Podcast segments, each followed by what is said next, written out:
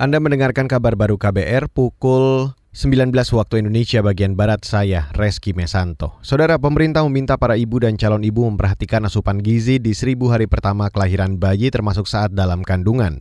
Tujuannya untuk mencegah terjadinya stunting atau gagal tumbuh pada balita. Hal itu disampaikan Menteri Keuangan Sri Mulyani dalam diskusi kolaborasi atasi stunting melalui dukungan APBN untuk Indonesia Emas 2045 secara daring hari ini.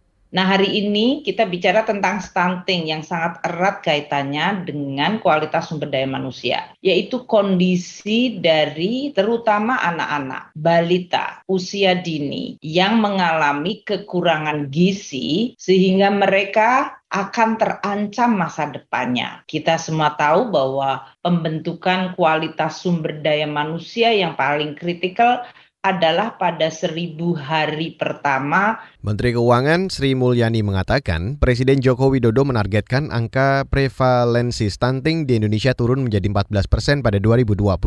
Sri Mulyani mengatakan pemerintah telah mengalokasikan 44,8 triliun rupiah anggaran dari APBN untuk mengatasi stunting di tanah air. Untuk mencegah stunting, para ibu diminta menjaga asupan gizi anak, serta rutin memantau pertumbuhan dan perkembangan bayi di posyandu atau puskesmas. Beralih ke berita selanjutnya, Saudara. Pakar Hukum Tata Negara menilai pemerintah dan DPR belum benar-benar mengakomodasi masukan dan saran publik terkait penyusunan rancangan Kitab Undang-Undang Hukum Pidana. Pakar Hukum Tata Negara Bivitri Susanti mengatakan, klaim pemerintah mengenai pelibatan partisipasi publik hanya sebatas menampung dan mendengar masukan tanpa mempertimbangkan lebih lanjut bermainnya di soal berapa orang yang berapa profesor yang diundang gitu-gitu ya, berapa kali konsultasi publik, berapa orang yang datang dalam satu konsultasi. Esensinya itu sendiri misalnya apakah masukan yang diberikan itu dipertimbangkan sama sekali nggak sih? Jangan-jangan benar-benar oke, okay, oke, okay, manggut-manggut silakan pulang terus dibuang. Karena kenyataannya teman-teman yang mengadvokasikan RKUHP mengalami hal itu.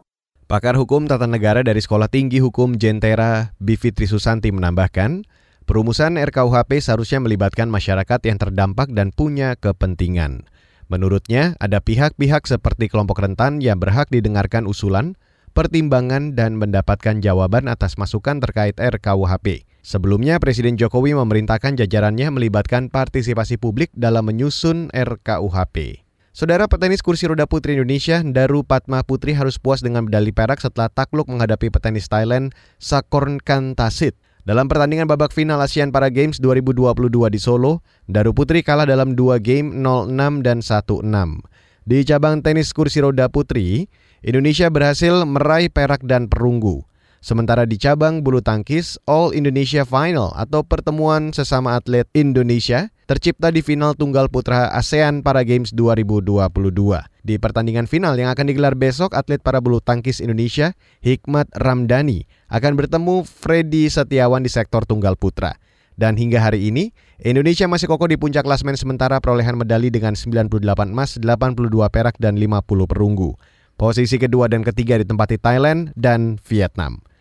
Dan saudara, demikian kabar baru saya Reski Mesanto.